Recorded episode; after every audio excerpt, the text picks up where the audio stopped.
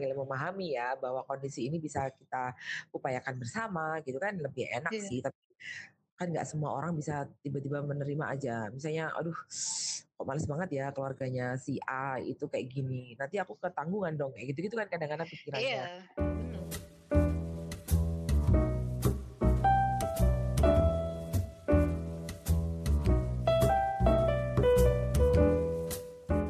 Pagi Bayu. Selamat pagi, Fon.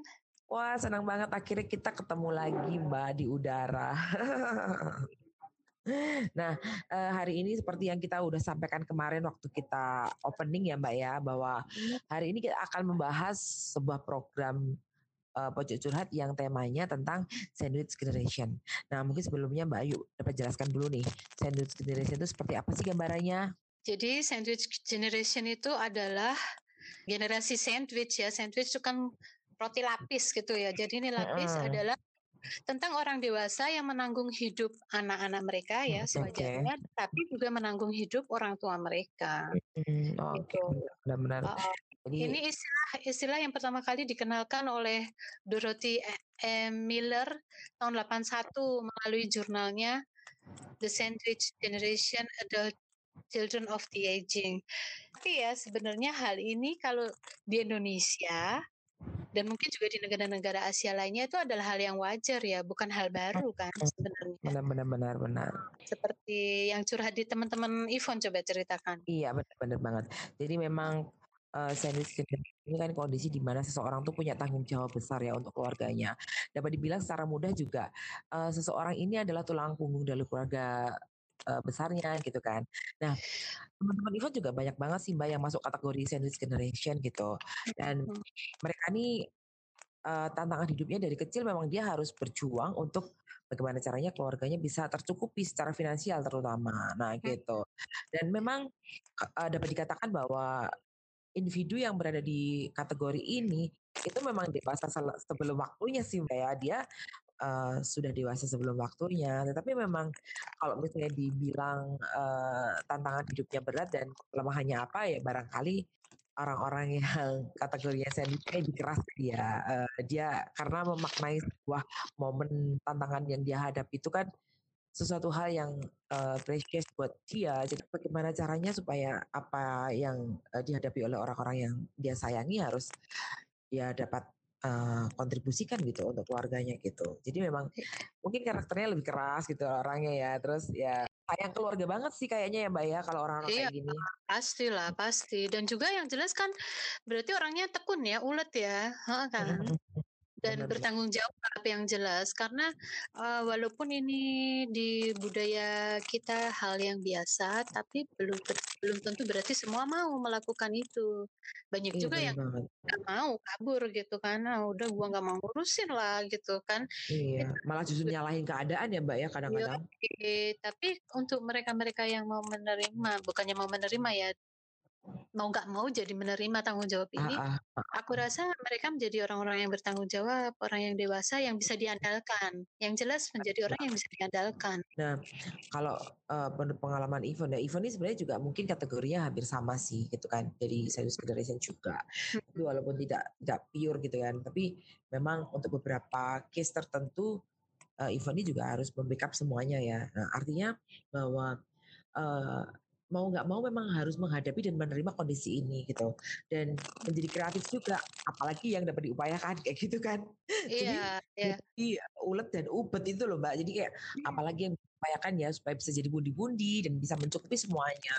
Maka eh, ya memang harus ada kerja keras di sana gitu. Dan eh, terkadang kalau misalnya membayangkan zaman dulu waktu masih harus berjuang gitu juga rasanya kayak kaki eh, buat kepala kepala buat kaki gitu. sirah tikus itu kayak gitu loh Ah, Jadi- ya. Ya, ya berat sih sebenarnya. Nah, bedanya zaman sekarang itu kan tuntutan semakin banyak ya. Maksudnya ini kan kalau budaya dari zaman dulu kan kalau di sini udah lumrah ya seperti itu ya. Uh, membantu anak, saudara-saudara, orang bahkan saudara-saudara ya, bukan hanya keluarga inti. Kadang-kadang benar benar extend family cuman zaman dulu itu kan tuntutannya nggak kayak sekarang ya sekarang tuh Mm-mm. anak sekolah anak mahal terus orang tua juga Mm-mm. kepengen anaknya kan oh, dikursusin piano, balet, apalah apalah Heeh. gitu kan, berarti biaya semakin besar. Terus, eee, bagaimana ya cara mengatasi yang kayak gitu? Apakah perlu diputus rantainya? Tapi kalau diputus ya kok kayaknya anak yang durhaka ya sama orang Ah, tua, nggak mau bantu, ya Ah, kan? ya betul Serba Mbak, salah kan? serba salah. Jadi, Iya. ya memang sih terkadang kita juga ada kondisi tertentu yang kayak lelah banget gitu loh, kayak, "Aduh kenapa sih gitu harus harus harus seperti ini?" Gitu kan.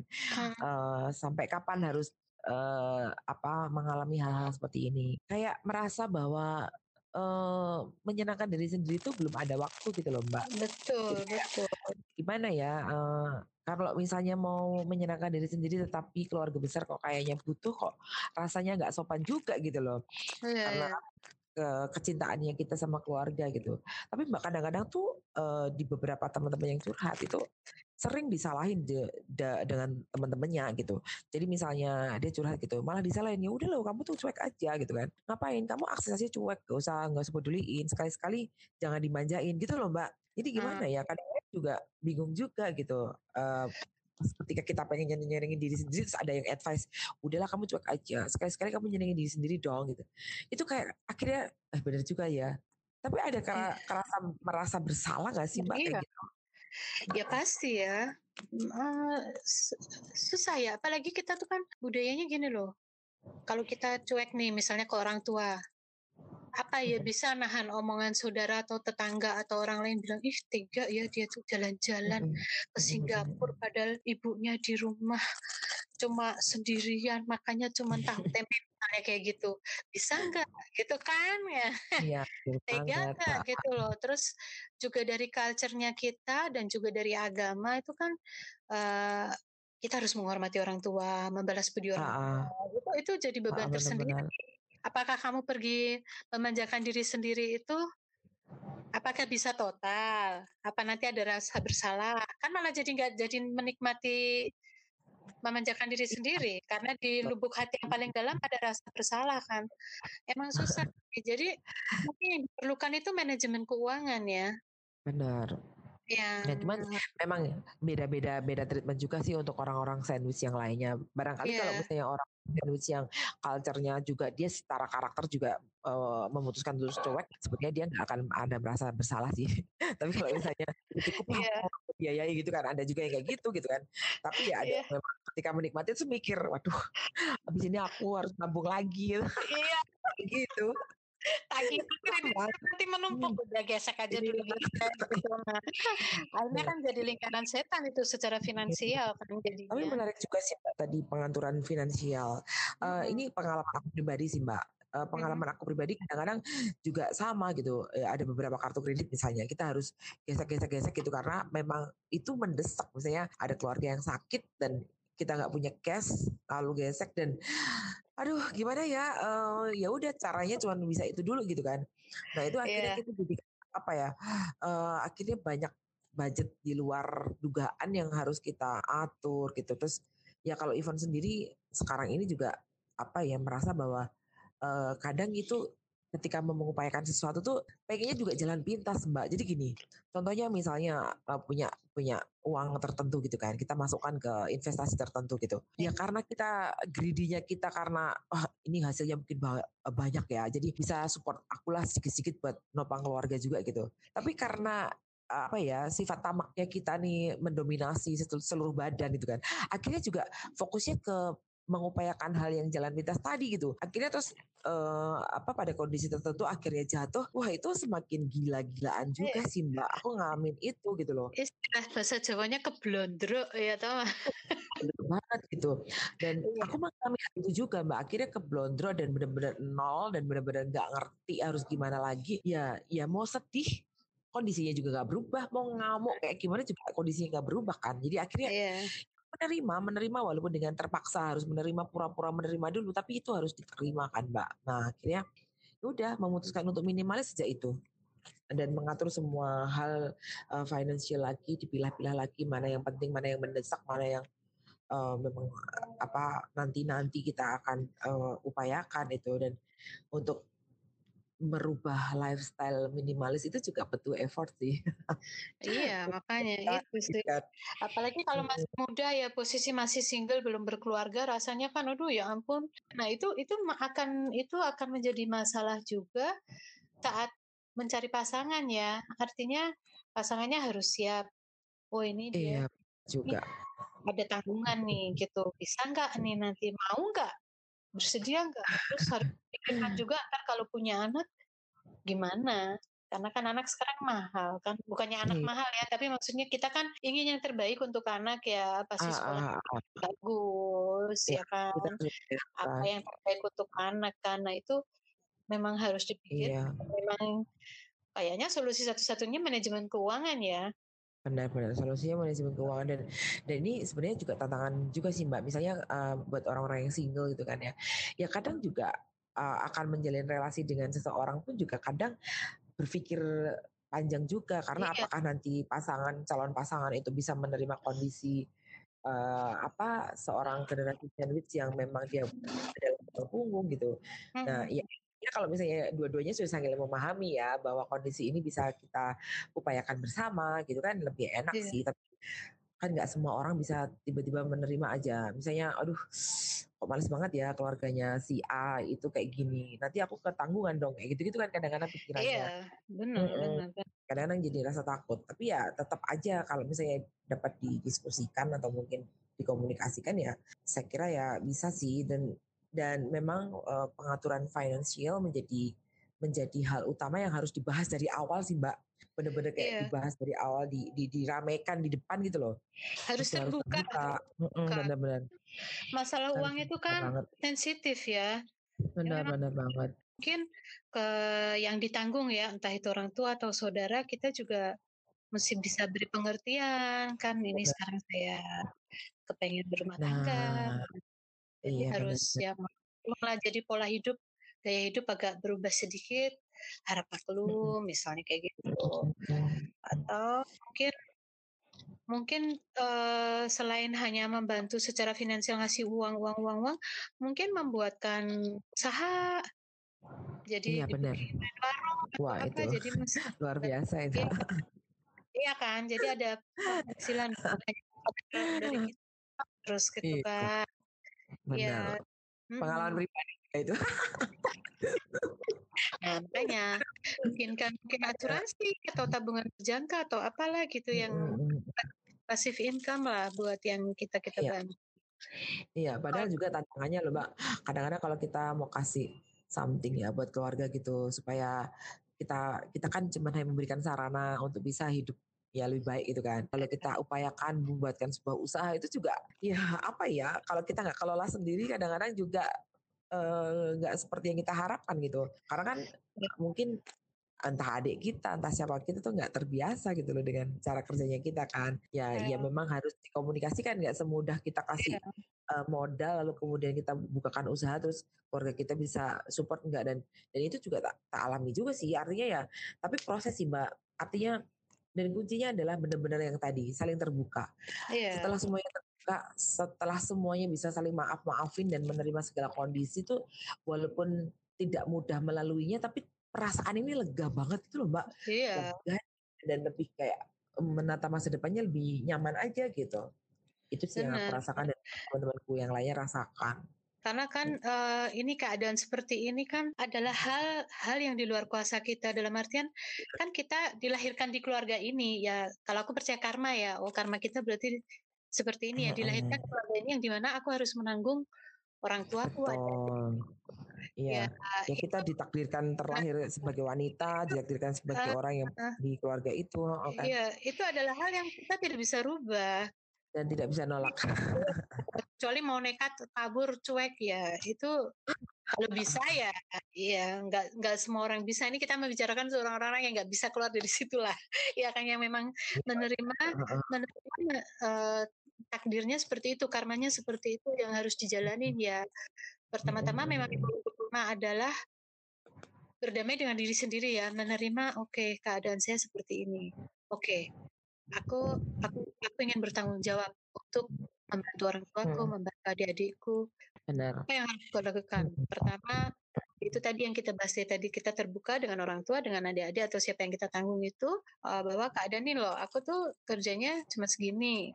Misalnya ya, aku posnya hmm. untuk kalian seperti ini. Nah, uh, bagaimana kalau kita membuat usaha yang nah dari hasil usahanya itu pure untuk misalnya rumah bapak ibu misalnya ya kan kebutuhan sehari-hari itu untuk itu saya memerlukan kerjasamanya gitu. Jadi jangan hanya diem aja, nggak ngapa-ngapain. Iya. Uh, ada gitu. beberapa kondisi gini-gini sih mbak. Kayak misalnya gini, kalau misalnya kita bilang gitu ya, ya pokoknya kita harus berdamai dengan diri sendiri dulu, menerima dulu gitu kan. Hmm. Itu kan kita secara verbal mungkin mudah ya untuk me me me mengatakan hal itu. Nah. Yeah terkadang ada orang yang ketika menerima tuh halah halah urip yo orang semudah apa kata-katanya Ivan iya. atau Ayu kan gitu kan nah gitu kan. Nah maksudnya uh, nih nih uh, refleksi aja sih.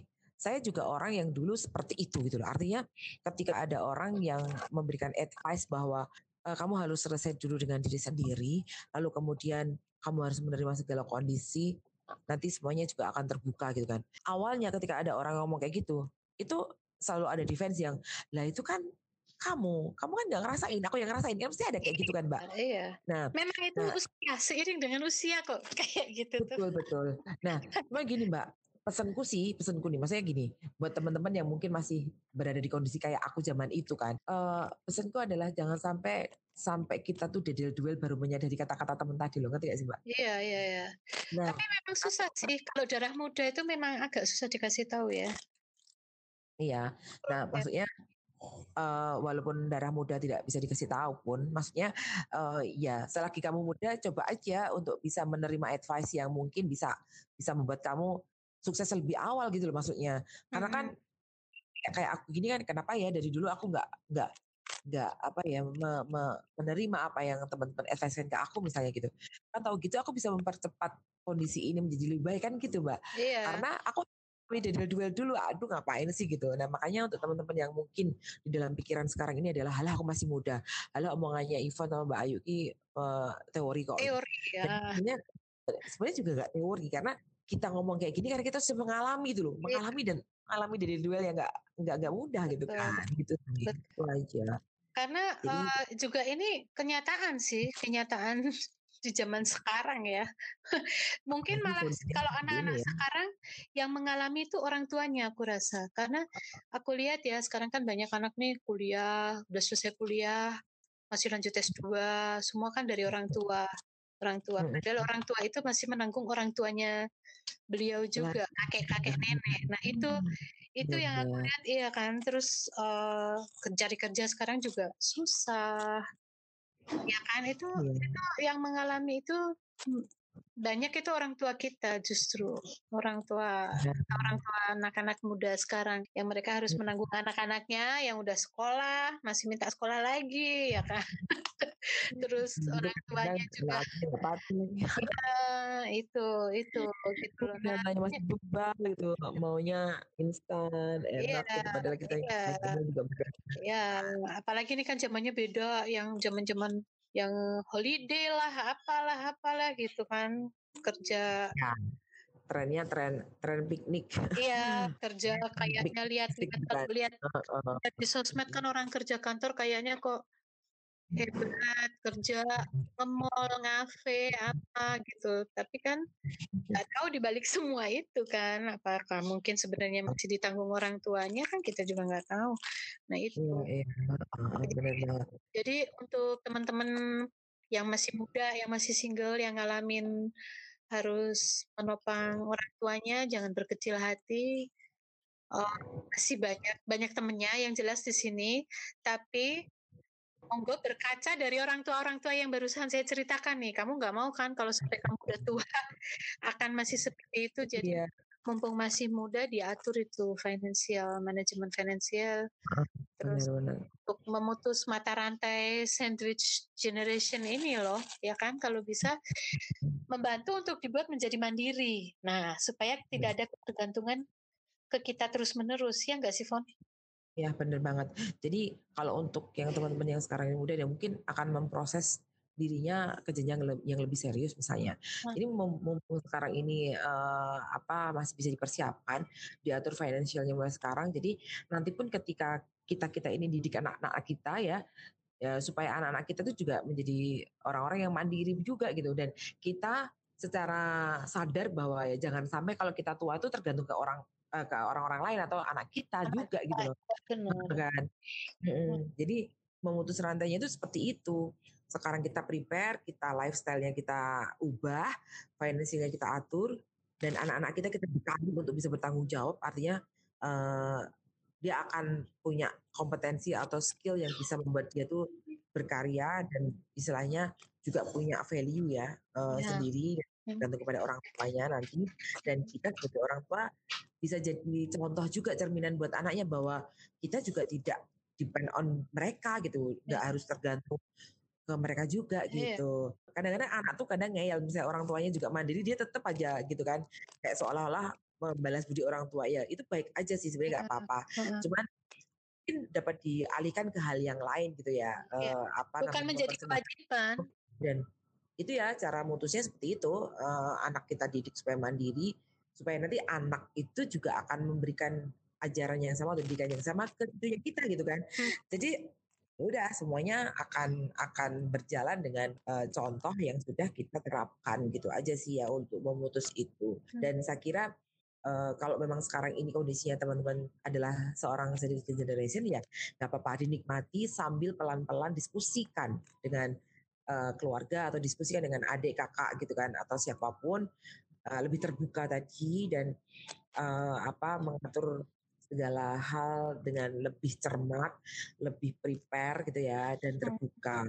Seperti itu ya, sih. Itu terbuka. Jadi keluarga tuh juga tahu perasaan perasaanmu ya sebagai provider itu ada ada capek, ada ada berat, itu nggak apa-apa di-share aja, tapi jangan sambil marah-marah ya. Itu nggak bagus, itu nanti jadinya berantem. Tapi menceritakan aja, ini nih loh, aku misalnya bulan ini tuh nggak mencapai target. Nah, kayak gitu.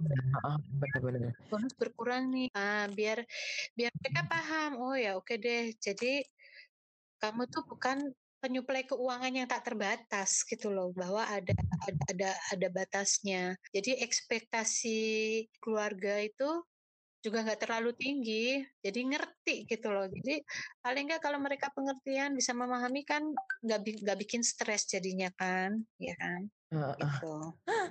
Bener banget. Iya.